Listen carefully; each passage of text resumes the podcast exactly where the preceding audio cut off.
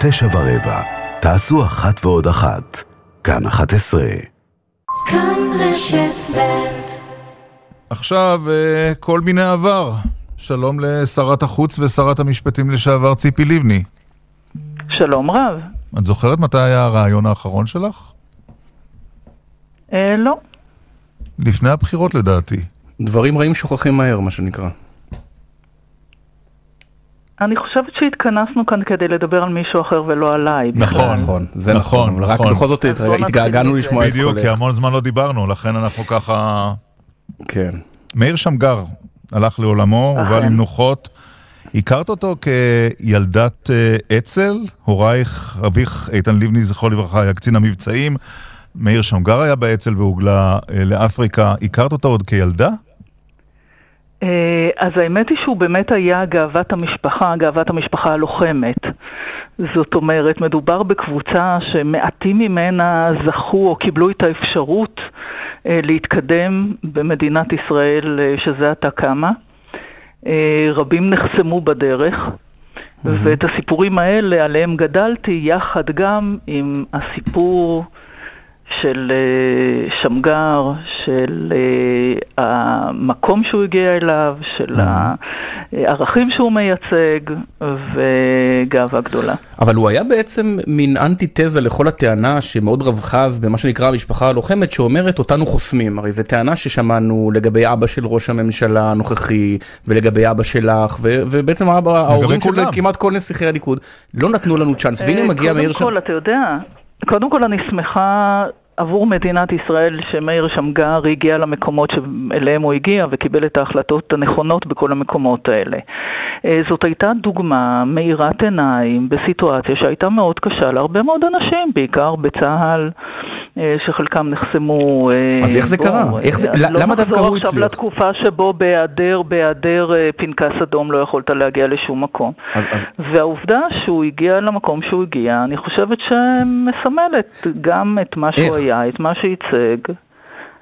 אני רק מעריכה אותו על uh, היכולת שלו להגיע ולהיות באמת במקומות שזה זה לא...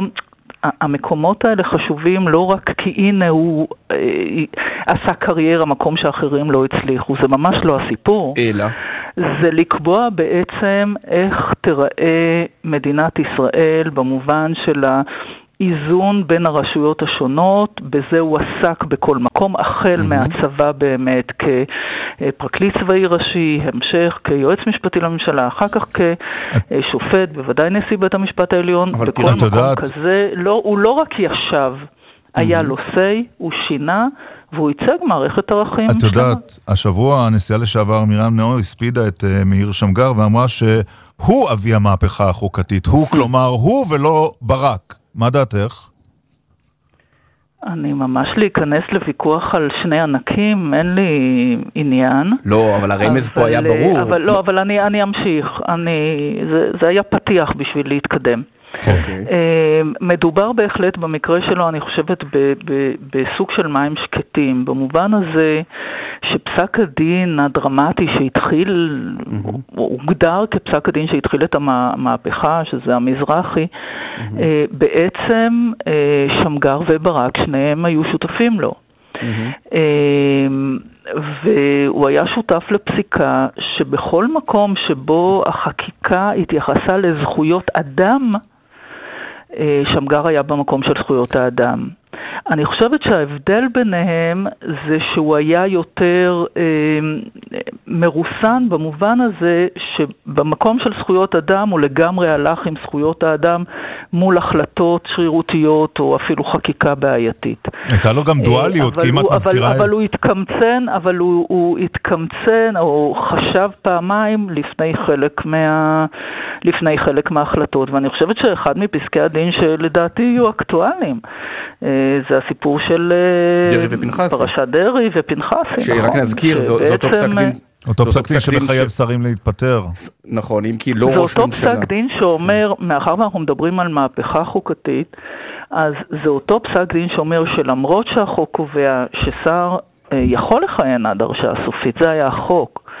אה, בעצם שניהם קבעו, שמגר וברק, שראש ממשלה צריך לפטר הוא לא יכול, שר לא יכול להמשיך אה, בתפקידו במקרה כן. הזה. אבל השאלה, אבל השאלה היא, אבל השאלה, ולכן את אומרת בעצם הוא סימן לכולנו שלשון החוק היא דבר אחד, אבל יש מעבר לזה את גם מה ש... אני לא יודע איך לקרוא לזה, הצו החוקתי, הצו המוסרי. ותכף אני אתן. אחרי נכון, השאלה- מערכת, מערכת, מערכת זכויות, מערכת זכויות אדם, מערכת של ערכים, הוא שנתן- בוודאי, הוא- בסיס, הוא היה בסיס ז- חוקתי שעליו בנויה הוא. אגב היה זה שנתן זכות עמידה לפלסטינים. אה, תושבי השטחים בבג"ץ, מצד שני הוא הגן, נכון, הוא הגן על ישראל ביהודה ושומרון ונתן מטריה למפעל ההתנחלויות. אז, אז זה שני דברים שקשורים ב, באותו דבר.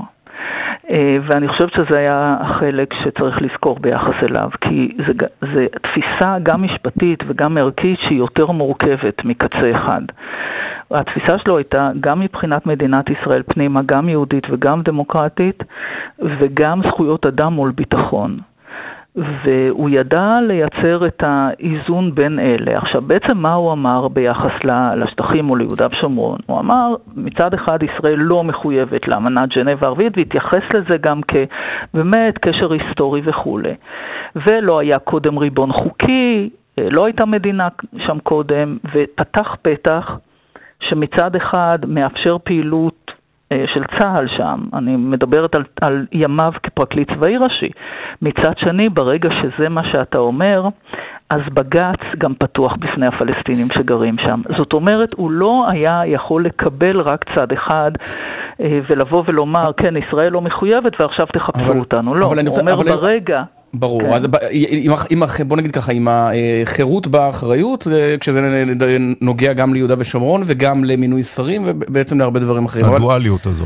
לא הרבה אנשים זוכרים, אבל כשהיית שרת משפטים בקדנציה הראשונה, דהיינו בממשלת אה, שרון, היו לך עימותים חריפים עם אהרון ברק. עד כדי נכון. אה, מריבות על אה, מינוי שופטים, את רצית את רות גביזון. והוא לא זה רצה לא לומר עד לרות. כדי, אבל היה לנו, היה לנו ויכוחים. היו לכם נכון, עימותים נכון. חריפים. עכשיו אני רוצה נכון. לשאול, אה, ואולי זה יורד לשורש העניין, האם הוויכוח בין אהרון ברק ומאיר שמגר, כמו שאת מבינה אותו, היה אה, רק ה- ה- הדרך, דהיינו שאהרון ברק אומר כן הכל שפיט וברק ושמגר ומים שקטים חודרים עמוק, או כמו שטרחו לא מעט אנשים לציין בימים האחרונים, היו ביניהם גם מחלוקות שב- שברק. ברק פשוט הלך הר- הרבה הרבה יותר רחוק. אז אני ניסיתי להגדיר את זה או לעשות את ההבחנה בין, בין השניים, אבל אני חושבת שצריך לדבר בו ולא על בסיס השוואתי. אני באמת חושבת שהוא היה דמות מופת משל עצמו, על, בלי קשר לאחרים, ובעיקר שהוא גם זה שהתחיל להתוות את הדרך הזאת. אני חושבת שהדברים שהיו חשובים לו, זה היה בעיקרו אה, זכויות אדם. זה לא, שניהם הכירו, ובעיקר שמגר הכיר בזכות ואולי בחובה של בית המשפט העליון לשים קווים אדומים, ובעת הצורך גם uh, להתגבר על חקיקה שהיא חקיקה או שפוגעת בזכויות אדם או שפוגעת באופן עמוק בערכים uh, uh, חוקתיים שלנו. אבל הוא לא חשב שהכל אה, שפיט. בחלק, בחלק, רק... זה לא שהוא חשב, לא חשב שהכל שפיט. בחלק, למרות שניתן היה אה, לקבל את ההחלטות, הוא עצמו חשב שלא נכון. זאת אומרת, הוא חשב שבית המשפט עצמו צריך לנהוג באיפוק ברגעים מסוימים. בפרספקטיבה, ולכן בחלק, בפר- בחלק מהמקרים, בחלק מה...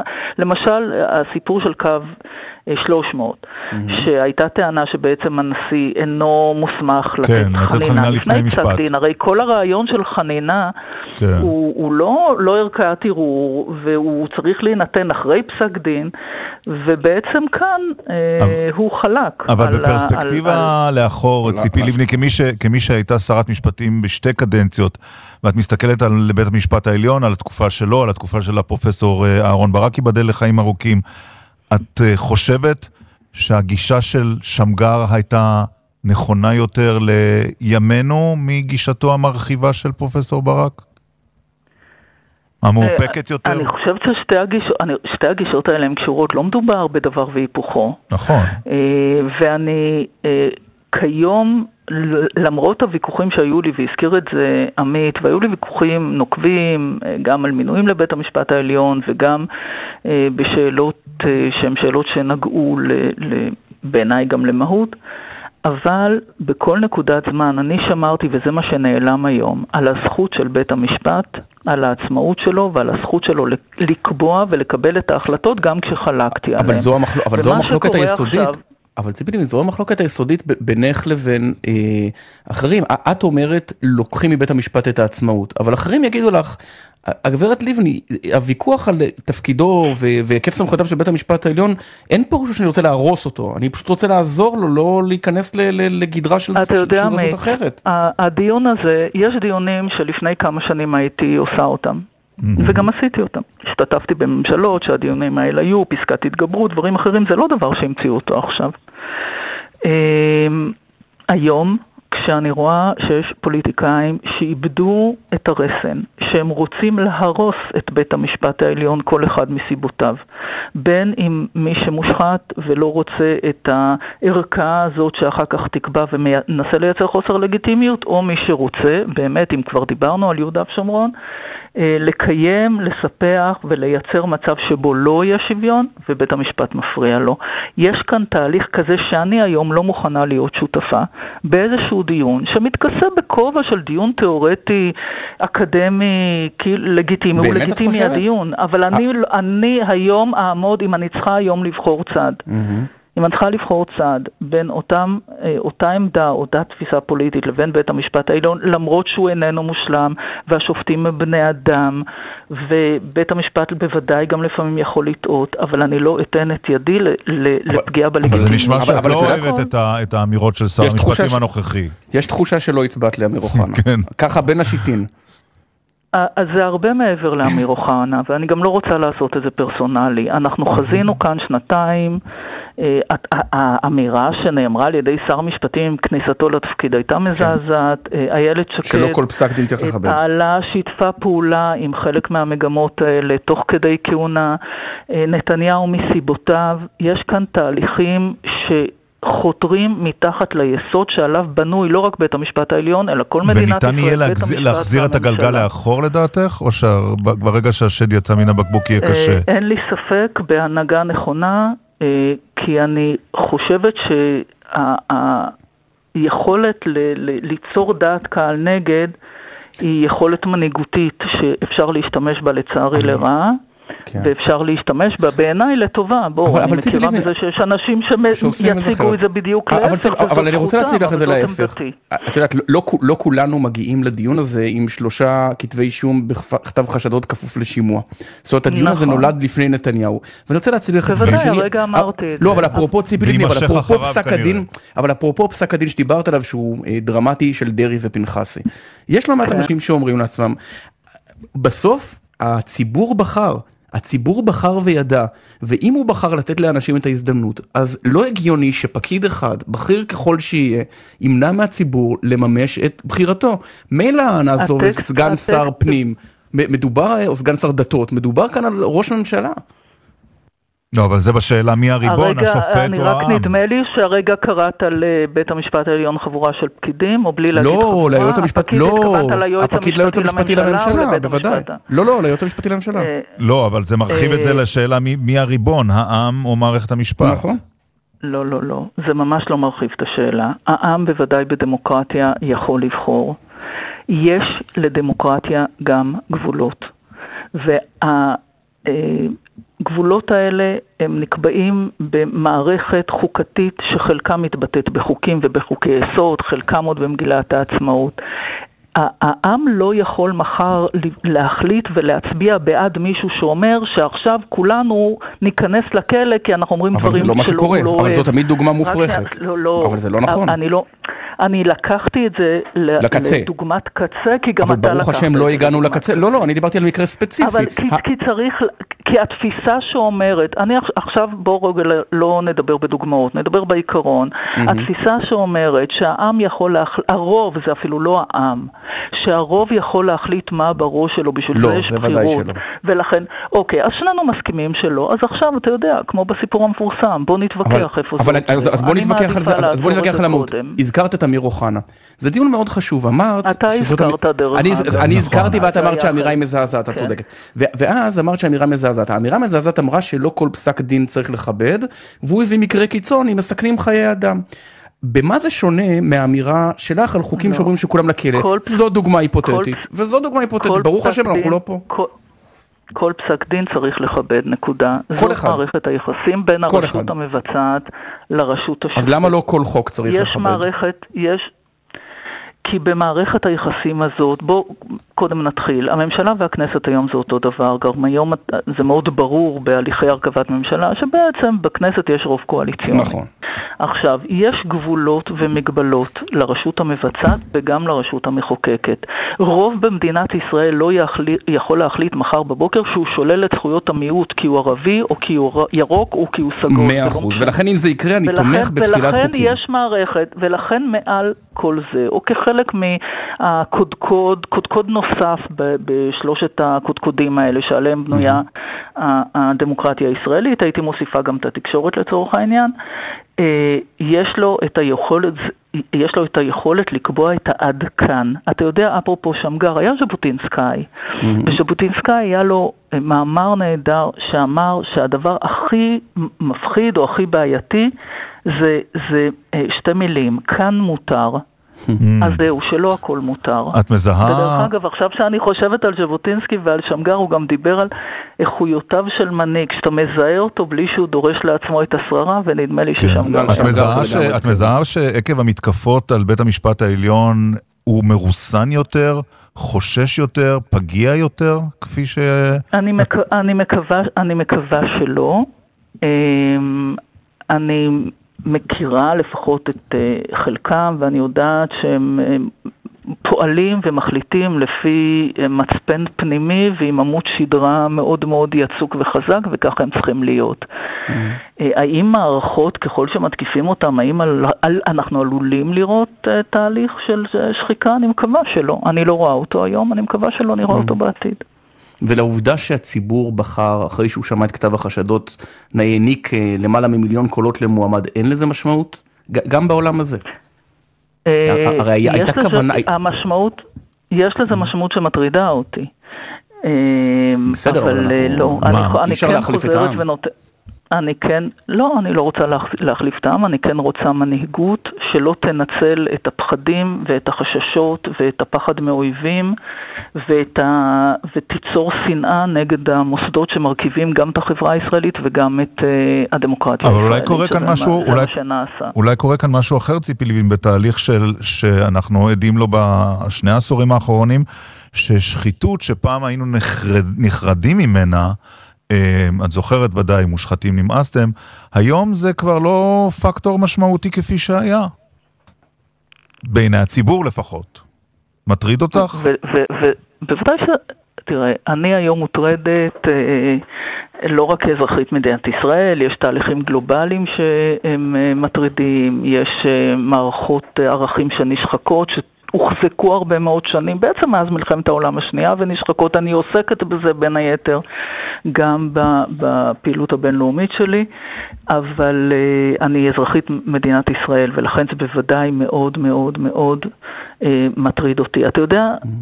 אפרופו המשפחה הלוחמת וסיפורון קטן שקשור לזה, אולי לשחיתות ואיך זה היה פעם. כן. אני- הרבה, לפני הרבה שנים אה, עזבתי את המוסד. אחרי שלמדתי משפטים, לא בדיוק הייתי באוניברסיטה, אבל קיבלתי את התואר, הייתי צריכה לעשות סטאז', עזבתי באמצע השנה, לא, לא, בכלל לא הייתי בתוך כל המיליה המשפטי, הייתי פחות או יותר בחושך. והרי דיברנו על זה קודם, בבית דיברו על שמגר, בית המשפט העליון, ואבי היה חבר כנסת.